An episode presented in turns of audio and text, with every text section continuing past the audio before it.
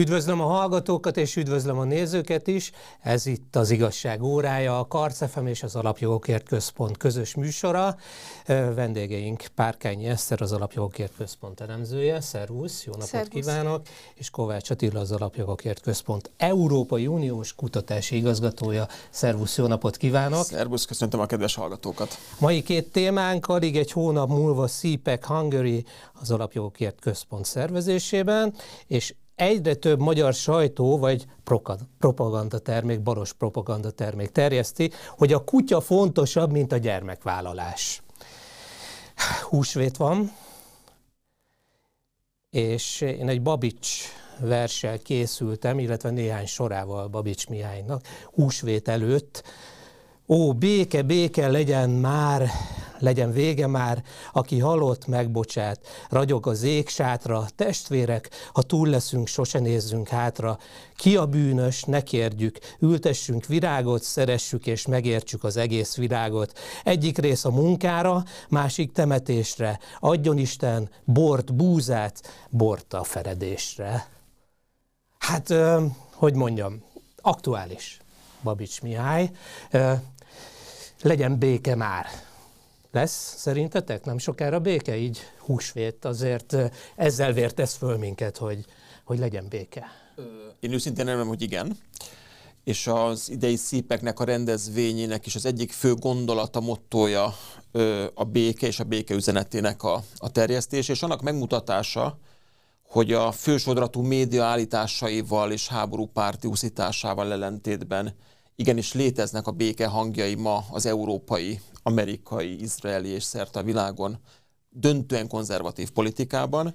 De miért, miért csak a jobb oldalon merül ez föl? Mert Amerikában is a, a baloldal az, az fegyverszállítások minél nagyobb támogatása az ukránoknak, mi, dollármilliárdokról van most már szó, nem is, nem is kevés pénzről. Valóban az amerikai, amerikai politika úgy látszik, hogy a, a háborús beszállítók fogjává vált, és erre az orosz-ukrán háború, illetve az Ukrajnának a a hát amerikai és európai polgárok eurocentjein való támogatása, ez gyakorlatilag fontosabb a, a döntéshozóknak Washingtonban vagy éppen Brüsszelben, mint az európai érdekek képviselete. Eszter? Teljesen ebben a háborús pszichózisban vannak a baloldalon, de azt látjuk, hogy ez globális szinten igaz, és én viszont nem vagyok ennyire optimista abban a tekintetben, hogy lesz-e hamarosan béke, de pont a húsvét az, aminek az üzenete az élet, a feltámadás, és azt gondolom, hogy bár a háború minden nap egy szörnyűség azoknak, akik megélik, akik harcolnak az ellenféllel szemben, de talán az ünnepek azok, amik még nehezebbé teszik elviselni azt, hogy valaki elvesztette a szeretteit, vagy éppen a távol vannak tőle, ugye fronton, vagy elmenekültek, úgyhogy ilyenkor biztos, hogy ez egy nehezebb időszak azoknak, akik érintettek. Szípek, a béke üzenete, ez a fő fő üzenet a szípeken, és május 4-én, 5-én rendezi meg az Alapjogokért Központ szervezésében, rendezzük meg az Alapjogokért szervezésében. Mi, mi még a fő üzenet ezen kívül? Kik jönnek, kikre lehet számítani? Ugye, Ugye Orbán a, Viktor a főszónak. Így van.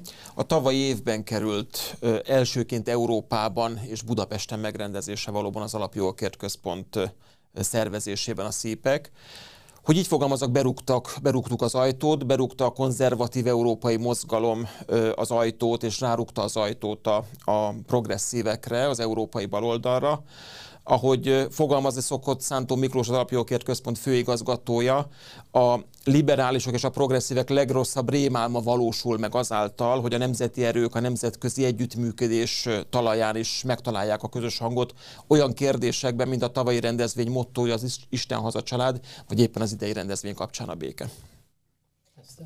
Idén is arra számítunk, hogy rengeteg résztvevő lesz. Ugye tavaly, ahogy Attila is említette, első alkalommal került megrendezésre, és már akkor is nagyon nagy érdeklődésre ö, tartott számot ez a rendezvény, úgyhogy szerintem ez idén sem lesz másképp, sőt, valószínűleg a tavalyi sikerek miatt ö, még többen szeretnének részt venni a CPEC Hungary-n és valóban azért egy fontos esemény ez, a motto ugye az, hogy együtt erő vagyunk, mert évtizedeken keresztül megpróbálta elhitetni a nemzeti jobb oldallal, világszerte a nemzetközi baloldal, hogy pont amiatt, mert mi elsősorban a saját hazánk érdekeit nézzük, ezért lehetetlen, hogy összefogjunk. De vannak különbségek, tehát még, még jobboldali konzervatívok között is vannak, akár fontos kérdésekben is igen nagy különbségek. Viszont mi nem ezeket keressük, ezen a rendezvényen sem ezeket fogjuk keresni, hanem azt, hogy mi tart össze minket, mi az, amiben hasonlóképpen látjuk a világot. Jelenleg ez a béke tematikája. Azért mondok néhány nevet Orbán Viktoron kívül, Andrei Babis, Csehország korábbi miniszterelnöke, is itt lesz, rajta kívül Janez Janza, ő Szlovénia volt miniszterelnöke, Amerikából Kerry Lake televíziós műsorvezetőből lett republikánus szupersztár, is itt lesz, aztán Eduardo Bolsonaro, ő a, a volt brazil elnöknek a fia, aztán Herbert Kikl, az osztrák szabadságpárt elnöke, Barry Moore és Paul Gossár, amerikai kongresszusi képviselők is jönnek. Ti már voltatok más országban, szípeken, Izraelben, Dél-Koreában, mondjatok néhány élmény, beszámolót, milyen volt, mikor voltatok ezen, és milyen ott a, ez a rendezvény? Hát én már nem ma voltam, tehát 2019. októberében voltam Szöulban, a Szipek Koreán. Még az egyik ilyen nagy utazás a Covid előtt, úgyhogy azért is bennem van ez az élmény, hogy milyen érdekes volt. Én soha nem néztem utána, hogy Ázsiában hol vannak konzervatívok. Mert úgy, úgy tudtam, hogy jó, hát Japánban vannak, Kínában nem de nagyon, de nem, nagyon. foglalkoztam uh, azzal, hogy, hogy hol vannak még, és uh, érdekes volt, hogy ők hogyan élik meg a konzervativizmusukat, mit tartanak fontosnak, olyan ügyekbe adtak betekintést, amiről addig fogalmam sem volt. Nem tudtam például, hogy a dél-koreai fiatalok nagy része úgy gondolja, hogy hajlandó lenne még kommunizmus alatt is élni, hogyha e- egyesíthetnék a két Koreát. Igen, uh-huh. tehát hogy ilyen nagyon ö, érdekes ö, ö, élményekben volt részem, és hát ugye nem csak a helyiekkel való kapcsolatteremtés volt fontos, hanem az, hogy mint a mostani Szipek Hungary is egy ilyen gyűjtőhelye lesz a világ konzervatívjainak, ugyanígy ezt megtapasztaltam, és Izraelből, Ausztráliából, az Egyesült Államokból mindenhonnan érkeztek oda Szőulba képviselői a jobb oldalnak. Ugye Dél-Korea az egy különleges helyes Izrael is ebből a szempontból. Dél-Korea a második világháború után, meg az ottani polgárháború után az egy jobboldali diktatúra volt, de utána demokrácia lett, és ott a demokráciában is sokáig jobboldali kormányok voltak, váltották a baloldallal, ami azért egy különleges, mert nem ugyanaz a jobboldal ott, meg a baloldal sem, mint mi fogalmaink szerint való. Ugye? Tehát, hogy ez is egy izgalmas. Igen, ez, ez mindig uh, nyilván az adott országnak a, a történelmi tapasztalatain is múlik, meg hát a politika Igen. történetén, hogy, hogy hogyan alakulnak az egyes pártok, és milyen nézeteik vannak, és ezért mondom, hogy nagyon sok minden van, ami minket elválaszt, vagy őket nem aggaszt, de azokat a pontokat kell megtalálni, amik közösek, és amik ellen együtt küzdhetünk. Azért a jobboldali diktatúra egy erős kis tigris teremtett, és látjuk Észak-Koreából meg mi lett a kommunizmus alatt, és Izrael. Olyannyira erős, hogy még Dél-Koreához egy gondolat erejéig visszakapcsolódva, Dél-Korea ma Magyarországnak az ázsiai kontinensen a legerősebb kereskedelmi és befektetési partnere. Tehát ezek a rendezvények nem utolsósorban a politikai közös nevező megtalálásán túlmenően természetesen akár még gazdasági vonatkozások miatt is fontosak. Izrael. És ha már Izrael, nekem tavaly nyáron, tavaly júliusban volt szerencsém részt venni a, a CPEC Izraelen, és képviselni az Alapjogokért Központot. Nagyon nagy show volt, a Trump kormányzat számos képviselője, volt képviselője, nagykövetek, diplomaták Ez részt. Után ez már választás után volt, részt vettek, részt vettek rajta. Ben Shapiro volt ugye a sztár vendég, aki talán az amerikai kontinens legmeghatározóbb konzervatív politikai kommentátora. Egy influencer Egy influencer, készít, így, így van, így van, rengeteg, rengeteg, rengeteg követővel. zsidó egyébként. Igen, igen, iskolát, igen, igen. iskolát teremtett gyakorlatilag azt gondolom a tevékenységével. És hát a tapasztalataim azért megerősítették azt, hogy Izrael Magyarországnak egy nagyon-nagyon komoly szövetségese, nem csak a térségben, de, de globálisan is. Nagyon támogatják a magyar kormány politikáját Izraelben. Minden olyan hamis, hazug, a baloldal által gerjesztett ilyen hát látens antiszemita vádat, amely nagyon sokszor a magyar kormányt a nemzetközi sajtóban éri, azt a leghatározottabban visszautasítottak az izraeli kollégák és az izraeli barátaink. És hát az ottani látogatásomnak gyakorlatilag az aktuálpolitikai fejlemények is még aktualitást adnak. Ugye az elmúlt hetekben, hónapokban szemtanúi voltunk annak, hogy Netanyahu kormány, amely egy demokratikus választásokon nyert felhatalmazást, a baloldal által átitatott, átszőtt már a 90-es évek óta bírói karral ö, szemben ö, szeretett volna egyfajta kiegyensúlyozottabb hatalmi ágat létrehozni, és hát ez a baloldali uszításon, a baloldal által az utcára vitt izraeli polgároknak az ellenállásán egyenlőre megrekedni látszik. De jól, de jól mutatja azt, hogy van egy minden felhatalmazás, demokratikus felhatalmazást nélkülöző bírói kaszt, ahol gyakorlatilag szinte családon belül öröklődnek a pozíciók, egymást hoznák helyzetbe ezek a progresszív ö, bírói tagok.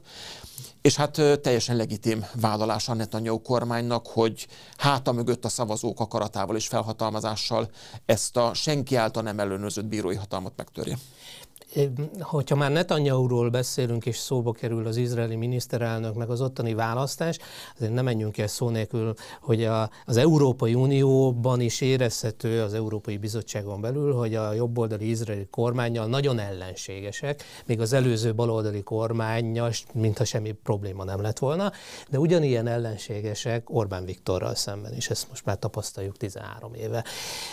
És van itt egy magyar politikus is, őt úgy hívják, hogy Gyurcsány Ferenc, aki kendőzetlenül elmondta, hogy igenis ők tevékenyen részt vesznek abban, hogy a magyar országnak járó uniós források ne érkezzenek meg Magyarországra. Az Európai Bizottság tagjainál lobbiznak, az Európai Parlament tagjainál, vezetőinél lobbiznak. Na most akkor Gyurcsány Ferenc újra összedi beszédet mondott, vagy ez egy direkt politikai húzás tőle? Én azt gondolom, hogy direkt politikai húzás volt tőle. Gyurcsány Ferenc régebb óta van annál a politikai arénában, hogy a fő politikai üzenetét ne gondolná át. Onnan indítanék, hogy valóban ma a liberálisok által dominált globális, de ez inkább csak nyugati közbeszédben azon országok, vagy éppen az Európai Unióban azon tagállamok, amelyek a nemzeti érdekeiket előrébb helyezik valami fajta globalista ö, érdeknél, legyen szó Izraelről vagy Magyarországról, ők rögtön ez, ennek a liberális médiának a keresztüzébe kerülnek. Brüsszel is ebből a kottából játszik, ezt az elmúlt 13 évben, mint egy mit említett számtalanszor megtapasztaltuk, és a hazai ellenzék és a hazai ellenzék kimondott, kimondatlan vezére Gyurcsány Ferenc is ebből a kottából játszik. Ő, Brusz, ő és a felesége, ugye azért ne felejtsük el, Dobrev Klára, európai parlamenti képviselő, ennek a brüsszeli érdeknek a feltétlen kiszolgálója, hazai helytartója. Ilyen értelemben nem meglepő ez a kijelentés. Voltak már előzményei, legyen szó Donát Annának a lebukásáról, amikor Vera Jurovával ugye kokettált, hogy így fejezzem ki magam. A felesége is ugye számtalan alkalommal az Európai Parlamentben hazánkkal szemben emelt szót és foglalt állást. Gyurcsány Ferenc legutóbbi kijelentése viszont habatortán is mindennek a teteje, de azt gondolom, hogy illeszkedik az elmúlt évek hazai ellenzékének a politikájába. Ugye ő azt mondta, ebben a rádió műsorban, én ezt végighallgattam tegnap este, nyíltan és szabadon beszélve, hogy, hogy igen, igen, tehát ők azért dolgoznak, hogy az Orbán kormány megbukjon, és az Európai Bizottság is ezért állította fel ezt a 27 uh, szuper mérföldkövet, hogy de itt nem, egyáltalán nem jogi támadásról van szó, hanem ez egy politikai támadás. Amiről mi is beszélünk most már évek óta, és most igazolja. Nem gondolom, hogy véletlen elszólás lett volna Gyurcsány Ferenc részéről. Azért ennél ő okosabb. Azt gondolom, hogy ha megnézzük, a bal oldalon most már hónapok óta ugye fut ez a guruló dollárok botrány. Egyre jönnek elő a bizonyítékok. A napokban éppen azt tudtuk meg, hogy rengeteg pénzért buszoztattak, és nem is voltak olyan sokan ehhez képest. Tehát, hogy vannak ilyen gyanús ügyek. Ha én Gyurcsány Ferenc lennék, és lenne vaj a fülem mögött, ami feltételezem, hogy van, akkor eléje mennék a dolgoknak, és inkább bevallanám nagy nyilvánosság előtt. Persze, hogy ezt csináljuk, mielőtt a másik oldal elő tud jönni egy bizonyítékkal erre vonatkozóan, mert tényleg évek mhm. óta mondjuk, hát látjuk, hogy mi történik. De amik, amikor mondjuk van egy kézzelfogható bizonyíték, és nem tudom, hogy ilyen létezik-e, de mondjuk tudomására jut Gyurcsány Ferencnek, vagy azt mondja, hogy hát biztos, hogy engem elő fognak venni ezzel kapcsolatban, eléje megyek, bevallom. Egyrésztről szerintem ez van a dolog mögött, másrésztről pedig egyfajta erőfitoktatás. mondja, Persze, hogy büszkélkedés és erőfitoktatás. Pontosan azért, mert uh, ugyan próbálkoznak a kisebb baloldali pártok. Láthattuk uh, Cseh Katalinnak a felhívását az európai parlamenti képviselők részére, hogy ugye álljanak ki, szólítsák fel a tagállamokat, hogy szálljanak be a hazánk elleni perbe a gyermekvédelem ügyében a bizottság oldalán, de ezek azért még úgy gyengécske próbálkozások ahhoz képest, amit most Gyurcsány Ferenc bevallott. Ezzel azt is meg tudja mutatni, hogy lám, ti erre vagytok képesek, én azért befolyásosabb politikus vagyok nálatok. Ő azt is mondta, hogy nem a pénzekről van itt szó, hanem a jogállam visszaállításáról, a demokrácia visszaállításáról, miközben egy demokratikusan megválasztott kormány ellen dolgozik. Akkor ez milyen demokrácia felfogás? Kettő dologgal engedjétek meg, hogy kiegészítsem az Eszter által elmondottakat. Az egyik az a korrupciós botrány, hogy Brüsszel akkor foglalkozik vélt jogállamisági és demokratikus problémákkal, amikor ugye a brüsszeli intézményeket minden túlzás nélkül kijelentettem, hogy minden ők legnagyobb korrupciós botránya rázza meg. Számos európai parlamenti képviselő már bilincsben volt, és pont a napokban tartottak az Európai Néppárt brüsszeli központjában is házkutatást a belga rendőrök. Úgyhogy az, hogy kinek van vaj a füle mögött, az most jól látszik, hogy az európai politika az európai baloldal velei korrupt, és, és ez a korrupciós botrány ezt most megmutatja. A másik pedig, amit említettél, hogy jogállamiság, demokrácia, itt ezek jogi köntösbe bújtatott, hát gyakorlatilag politikai, és tovább megyek pénzügyi zsarolási technikák Brüsszel részéről, amivel a nemzet érdekeikért kiálló demokratikus felhatalmazással rendelkező, a Brüsszelből érkező elvárásokat, parancsokat végrehajtani nem szándékozó kormányokat igyekszik a brüsszeli politikai elit büntetni. Erről van most is szó, gyakorlatilag ennek a politikai vitának a kiteljesedését láthatjuk most. De van-e értelme egy ilyen Európai Unióval tárgyalni? Miközben tudjuk, hogy nem ebbe az Európai Unióba léptünk be, hogy politikai, ideológiai elvárásaik miatt egy országnak, amely ezt nem teljesíti, ilyen nincs az alapszerződésben, hogy ilyet teljesítenünk kellene, nem adják oda a nekünk járó pénzeket, forrásokat.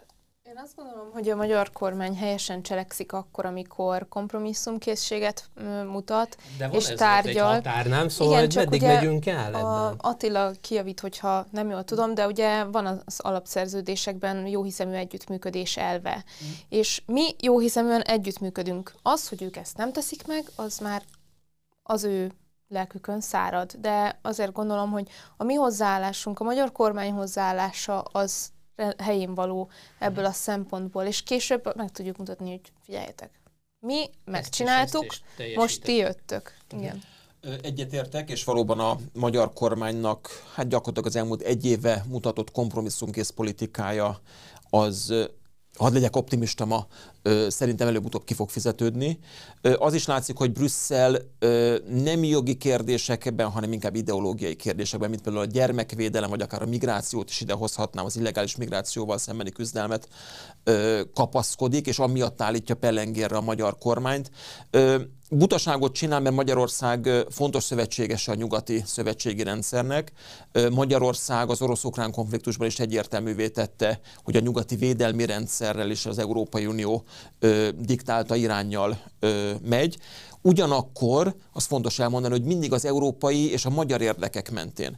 Ha az elhibázott szankciós politika, politikáról van szó, akkor Magyarország fölhívja a figyelmet arra, hogy az az európai gazdaság gyengítéséhez hozzájárul, miközben Oroszországot a háborús cselekményektől nem tántorítja, nem tántorította el. Ilyen értelemben ma az európai érdekeket sokkal inkább képviselik azon tagállamok, akik a nemzeti érdek mentén kiállva az európai politikai vitákban ezeket megjelenítik, legyen szó Lengyelországról, Olaszországról vagy éppen Magyarországról. Az is egy érdekes felvetés volt Gyurcsány részéről, hogy előhozta a majdani 2014-es eseményeket, ami egy ilyen forradalmi helyzet volt, ott úgy buktatták meg a, az ukrán kormányt, amerikai és uniós segítséggel, szóval ilyen, ilyen polgárháborús helyzetet vizionál, hogyha az Orbán kormány marad. Hát az a rossz hírem van számára, hogy még mindig nem olyan magas a támogatottsága, mint a kormánypártoknak, tehát ha megindulna egy kisebb csapattal, nem biztos, hogy jó helyzetben találná magát, de, de nem, hát ez, ez egyrészt komolytalan, másrészt pedig uh, uszításba én politikusként, ha komolyan veszem magamat, akkor nem mennék bele komolytalan, de ugyanakkor veszélyes, és, és jól mutatja azt, hogy a baloldal semmit nem tanult a történelmi hibáiból, és ugyanazokhoz az eszközökhöz ö, hajlandó visszanyúlni, és ugyanazokkal a gondolatokkal játszik, mint akár csak száz évvel ö, ezelőtt. Ö, és itt vannak ugye azoknak a vezetőknek az unokái, és most ugyanazokat a technikákat egy más történelmi kontextusban alkalmazva szeretnék a hatalmat megragadni. Ha már az urnáknál, ha már tisztességes választásokon erre képtelenek, akkor más megoldásokat keressenek, keresnek. Mindenféleképpen azért figyelni kell a Gyurcsánynak a szavaira, hogy semmilyen olyan eszközt ne ragadhasson meg, amely a demokratikus kormány legitimás társát és hatalmi, hatalom gyakorlását veszélyezteti. Ez itt az árszó, az első fél időnek vége van, de jövünk vissza, hát egy nagyon érdekes és szomorú témával, méghozzá arról beszélgetünk majd, hogy az egyik honlapon az jelent meg, hogy sok nő szingli abban gondolkodik, hogy inkább kutyát tart, mint hogy gyermeket szüljön, mert az kifizetődőbb számukra. Jövünk vissza. Az igazság órája. Sorskérdésekről őszintén az Alapjogokért Központtal. Az igazság órája. A műsorvezető Pindrok Tamás. Ez itt az igazság órája, folytatjuk is a műsort egy, hát, hogy is mondjam, nem, nem egy normális témával, de hát ilyen világban élünk sajnos, hogy ezzel, kell, ezzel is kell foglalkoznunk. Vendégeink Párkányi Eszter, az Alapjogokért Központ elemzője, és Kovács Attila, az Alapjogokért Központ Európai Uniós kutatási igazgatója. Szervusztok!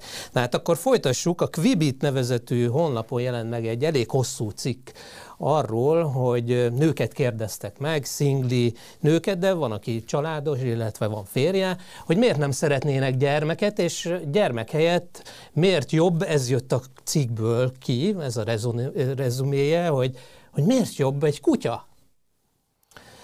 Miért nem jobb egy kutya? Inkább erről beszéljünk.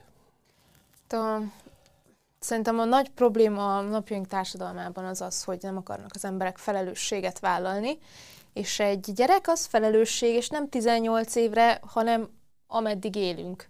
Igen. És uh, nyilván a kutyát az könnyebb egy otthonba bevinni, és hogy valaki más fogadja örökbe, mindegy, mert sokan sajnos gyerekkel is megcsinálják, de, de azt gondolom, hogy uh, megpróbálják ugye helyettesíteni a gyereket a kutyával nem ugyanaz lesz a, az eredmény, nem, bár az állatok is nagyon sok szeretetet tudnak adni, vagy hát mi azt gondoljuk, hogy szeretetet adnak, nem, nem tudjuk, hogy mi van mögötte, vannak igen, egyáltalán nem érzelmeik, tudjuk, nem tudjuk, de, de ugye a probléma az, amikor eljutunk arra szintre, hogy ilyen ö, interjúk meg cikkek jelennek meg, és amikor a gyerekvállalást, ami egyébként egy természetes ösztön mellette pedig egy nagyon kifizetődő és gyönyörű szép dolog, azt úgy mutatják be, mint az elmúlt években legalábbis azt láttuk, hogy mint azok, akik meg akarják ölni a bolygót,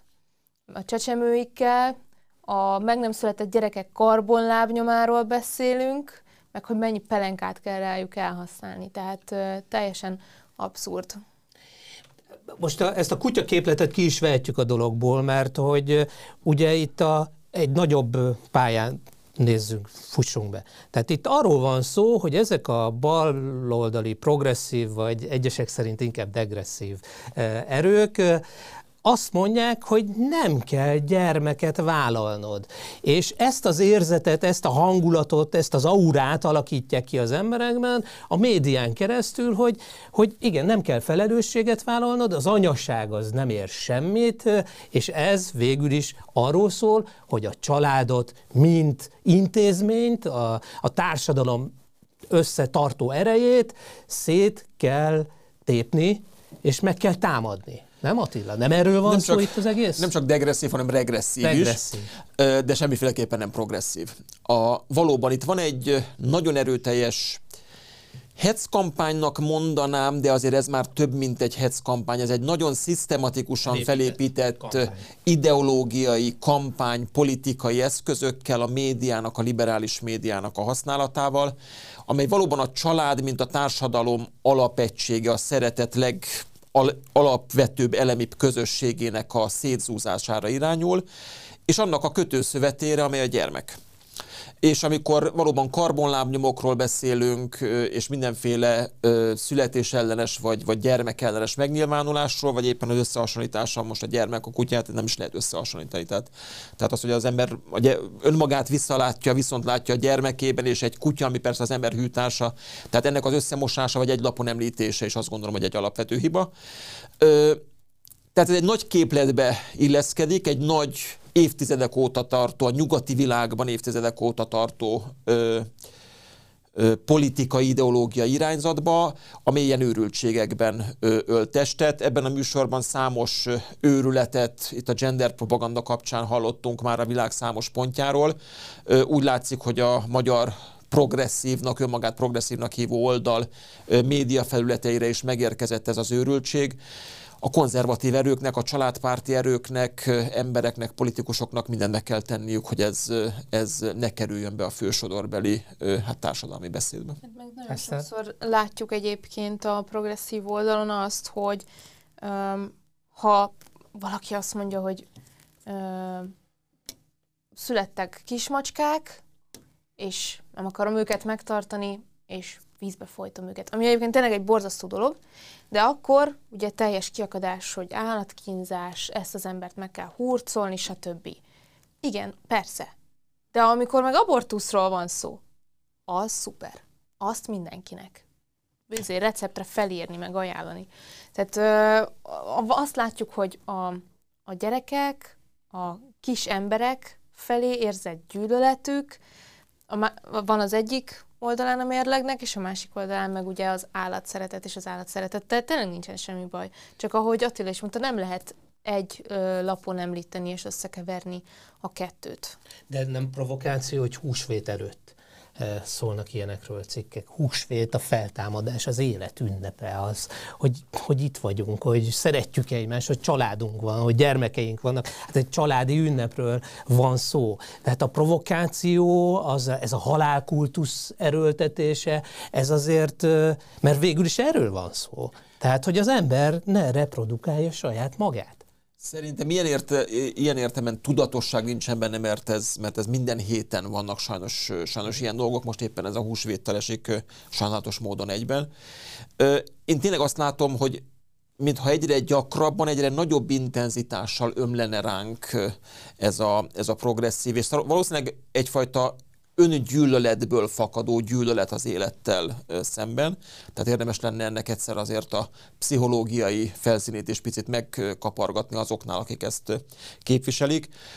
Talán régennek volt az a mondása, itt az élet kapcsán, hogy milyen érdekes, hogy mindig élő emberek beszélnek arról, hogy, hogy abortusz és az élet elvétele. Ez egy külön kérdés szintén megérne. Én azt mondom, és itt egy gondolat elég engedjétek meg, hogy a szépekre visszautaljak, amikor konzervatív, családpárti, gyermekpárti erők, amikor a gyermekvédelem küzdelme zajlik az Európai Uniós intézményekkel és más tagállamokkal szemben itt éppen a folyamatban lévő perben, akkor nem csak arról van szó, hogy van itt egy politikai dzsembori, ahol a békét hangsúlyozok, és sajnálatos módon most a béke az, ami Európában az aktuálpolitika, de azokhoz a konzervatív értékekhez is vissza kell nyúlnunk, legalapvetőbb konzervatív értékekkel, mint a családnak a a közössége, vagy éppen a gyermeknek a, a, a szentsége, és amikor ilyen cikkeket olvasunk, akkor ráébredünk arra, hogy milyen szükség van az olyan rendezvényekre, mint például a szípek. Meg egyébként még egy pár évvel ezelőtt egy ifjúságkutatásban láttam, ott olvastam, hogy a magyar fiatalok szeretnének gyerekeket. Tehát többet is. A kormány arra adott éppen választ, hogy attól féltek, hogy anyagilag nem engedhetik meg maguknak, nem tudnak egzisztenciát biztosítani számukra. A családpolitikai rendszer ezt a, az aggodalmat úgymond kiküszöböli, leveszi ezt a terhet a fiataloknak a válláról. Tehát azért nem értem az ilyenfajta cikkeket, mert láthatóan egyébként a nagy többségnek a, a gondolataival nem egyezik meg, hanem éppen ellentétes. Tehát most jó, tök jó, igen, húsvét előtt ezzel foglalkoznak, meg valóban azért láthatjuk évközben is, tehát nem, nem kifejezetten a húsvétnak szól most ez az őrület, de, de én még mindig abban bízom, hogy a magyar emberek azért ennél sokkal családcentrikusabbak és normálisabbak. De miért van az, hogy egy ilyen demográfiai válságban, amiben a nyugati világ tényleg küzdik ezzel. Hát látjuk Franciaországot, a nyugdíjrendszer átalakítása azért történik meg, azért kell kitolni a nyugdíjkorra, tehát mert nincs elég fiatal ember, hogy, hogy azt a... Igen, aki dolgozik, hogy azt a társadalombiztosítási modellt, a felosztó kirovót, hogy, hogy, a mi, tehát, hogy a mi befizetéseinkből a nyugdíjakat is tudják fizetni, ezt nem tudja már a Franciaország sem, azért egy gazdag hozzánk képest, Kelet-Európához képest gazdag országról beszélünk, nem tudja kitermelni. És Eközben, amikor ilyen társadalmi válság tünetek vannak, tüntetések, felgyújtják Párizst, közben meg a másik oldalon ugyanez a baloldali e, mainstream erő, vagy nem tudom, politikai vonal, meg azt mondja, hogy nem kell a gyermek. Tehát, hogy, hogy önmagába harap a kígyó, ahogy így kúszik, semmi értelme az egésznek. Én legalábbis nem értem, hogy ez miért, miért van ez így. Van, és a család ellenes politikának és ideológiának a másik lába, az pedig a migrációs politika. Mert kell a meg nem született gyermekeket. A meg nem született gyermekeket, ö, Ázsiából, Afrikából, közel-keletből származó, más kultúrkörből származó. A nem fognak dolgozni, nem? Tehát, a, hogy a, sajnos... a társadalmi integrációra, ha példát maradunk, akkor a francia nemzeti értékek átvételére, a francia identitás átvételére, felvételére nem nyitott bevándorlókkal, migránsokkal kívánja a baloldali liberális politikai kurzus Franciaországban pótolni a meg nem született gyermekeket és hát ma már napjainkban látható, hogy milyen nem csak hogy társadalmi feszültségekhez, hanem közállapotokhoz vezet ez. Elég csak összeszámolni, hogy az elmúlt 5-10 évben hány terrorcselekmény történt Franciaországban, hány halálos áldozattal, és akiknek az elkövetői hát gyakorlatilag kivétel nélkül mind-mind migrációs hátterű francia fiatalok, francia állampolgársággal rendelkező fiatalok voltak. Ez annak a modellnek, amit ők erőltetnek a tragédiája, és a politikai küzdelem arról is szól, hogy ezt a modellt Kelet-Közép-Európa, vagy éppen más a nemzeti érdekekért kiálló tagállamokra, országokra ne tudják rákényszeríteni. Eszter?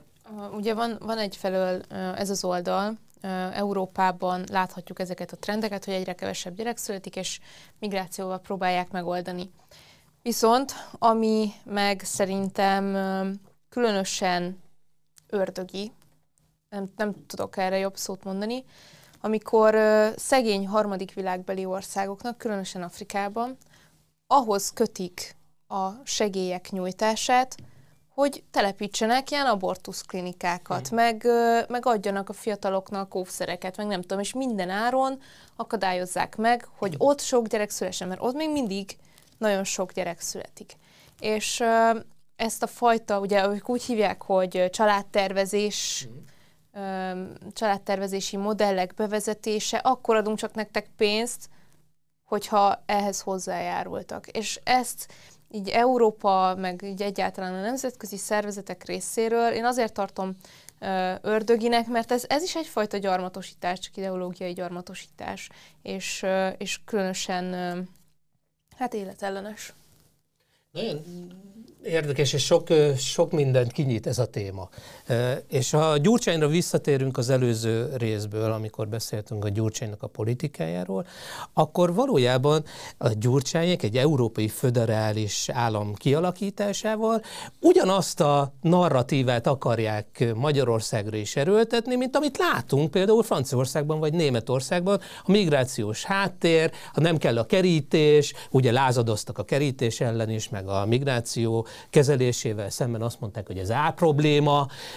Tehát valójában itt megint kiukadunk itt a hazai baloldalhoz, hogy, és az őket támogató médiához, ahol ilyen cikkek is megjelennek, hogy ez egy családellenes a baloldal, tehát Magyarországon is ezek szerint? Tehát, hogy ezt a progresszív idézőjelben baloldali társadalompolitikát támogatják, meg a migrációt támogatják, akkor ott vagyunk, hogy ők családellenesek. Valóban, amikor föderális Európáról beszélünk, akkor nagyon könnyű elveszni azokban a részletekben, hogy az egyes uniós intézményeknek hol legyen a hatásköre és mit beszólassanak bele, de ez a hétköznapi választópolgároktól azért valljuk be egy picit távol áll. Igen. Az viszont már nem, amikor a migrációs politika terén, vagy éppen az európai adóztatás terén, vagy az európai szociálpolitika, ugye a szociális pillért is szeretnék most már az európai közös döntéshozatalba bevonni, és ennek például Dobrev Klára volt az egyik raportőre ezeknek az elképzeléseknek az Európai Parlamentben.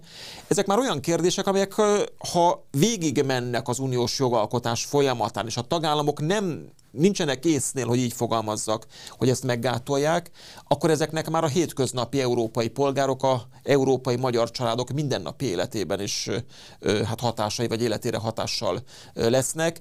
Ezért fontos, hogy ezeknek a folyamatoknak a, a potenciális következményeivel tisztában legyünk, és ezeknek a következményeit elmondjuk a, a, a magyar választópolgároknak is. Igen, aki ma Magyarországon a migrációt, vagy Európában az illegális migrációt támogatja, az családellenes politikát folytat. Aki ma Európában ö, támogatja például a szociális jogoknak a, a, a kiterjesztését olyan értelem, hogy abban az Európai Uniós intézmények ö, szóljanak bele, az gyakorlatilag azoknak a családpolitikai vívmányoknak az eltörléséért száll sikra, amelyeket a magyar kormány az elmúlt 12-13 évben elért, és aminek az eredménye az, hogy ma Magyarországon a születésszámok magasabbak, a házasságkötési számok jóval magasabbak, mint néhány évvel ezelőtt, tehát kétségkívül pozitív eredményei vannak. Ezt meg ö, nem kell elmennünk Brüsszelig, hogy lássuk, hogy mennyire családellenesek. Tehát ö, az elmúlt években a bevezetett családpolitikai intézkedésekre mindig fújoltak, és nem szavazták meg.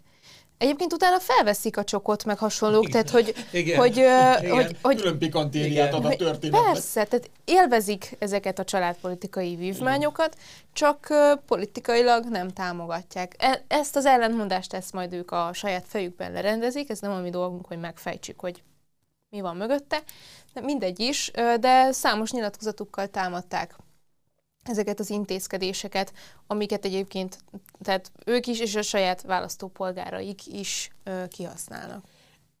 Most láttunk egy cikket, egy példát, itt az anya ellenes és család ellenes mozgalom, ahogy, ahogy megmutatja magát, és ez is a, a gender be, beleilleszkedik, ugye a gender is arról szól, a nemek közötti egyenlőség, na de a homoszexuális kapcsolatok, és az is legyen házasság, de akkor ők miért szeretnének gyermeket a homoszexuálisok, hogyha, hogyha itt pedig arról van szó, hogy a, hát a kutya az inkább legyen már gyerek egy rendes családban, de a homoszexuálisok akkor miért akarnak örökbe fogadni gyermeket például?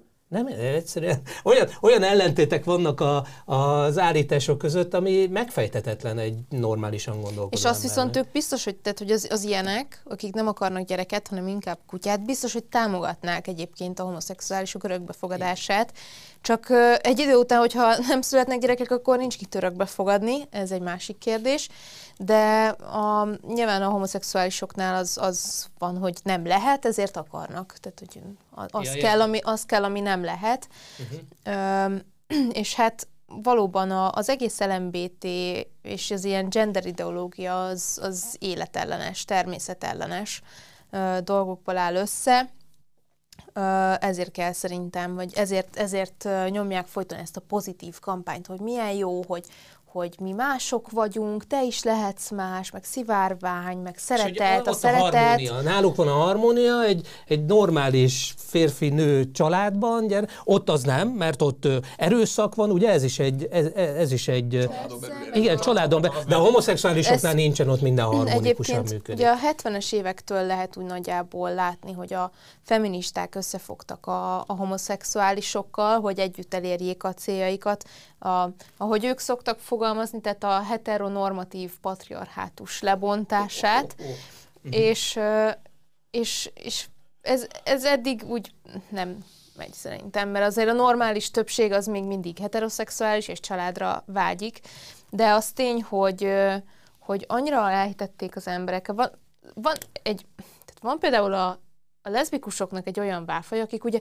megunták a férfiakat, mert a férfiak elnyomják őket, és akkor inkább, inkább tehát ilyen választott, tehát nem egy, egy ilyen velük született yeah, uh-huh. homoszexuális hajlama a férfi nem, ellenesség lesz. Hanem a férfi ellenesség ből lesz miatt. leszbikus. Igen. Wow. Való, valóban itt említetted, hogy ez egy több évtizedet tartó és egyértelmű ívet mutató ideológiai, politikai tendencia, aminek a szemtanúi vagyunk, ez a, ez a gender, gender kérdés. Mindennek a gyökere az, az Egyesült Államok, és onnan indul ki az Egyesült Államokból sokszor ez az őrület is, amit itt látunk. A, aztán megérkezik Nagy-Britanniába, Angliába, aztán átugrik a kontinentális Nyugat-Európába, és aminek most szemtanúi vagyunk, és amiért mi ezt most testközelből látjuk, az az, hogy az Európai Unión belül Nyugat-Európából most kelet Közép-Európát kezdték el ostromolni, és azokat a vallásos, keresztény, konzervatív értékrendet valló országokat, politikai közösségeket, amelyeknek például Magyarország is tagja, és ez, ennek az őrületnek a megtestesülései ezek a, ezek a cikkek, de egy narratíva összetartja őket, ez a család és gyermekellenesség. Bocsánat, és Igen. az anya ellenesség, mert a nőkkel is megpróbálják elhitetni, hogy anyának lenni egy degradáló dolog, ami megállítja őket a karrierjükben, pedig, és ez nem igaz. Pedig mindenki elhiheti a legfantasztikusabb dolog, hogyha egy gyerek születik a családba. Sajnos lejárt az időnk, de nagyon folytatnám még. Köszönöm szépen, hogy itt voltatok. A nézőinknek és a hallgatóinknak is köszönöm a figyelmet. Ezt a műsort meg lehet nézni az Alapjogokért Központ YouTube csatornáján, és meg lehet hallgatni nem csak a Karcefemen, hanem a mi Spotify csatornánkon is. Köszönöm szépen a figyelmet, viszontlátásra boldog húsvétot!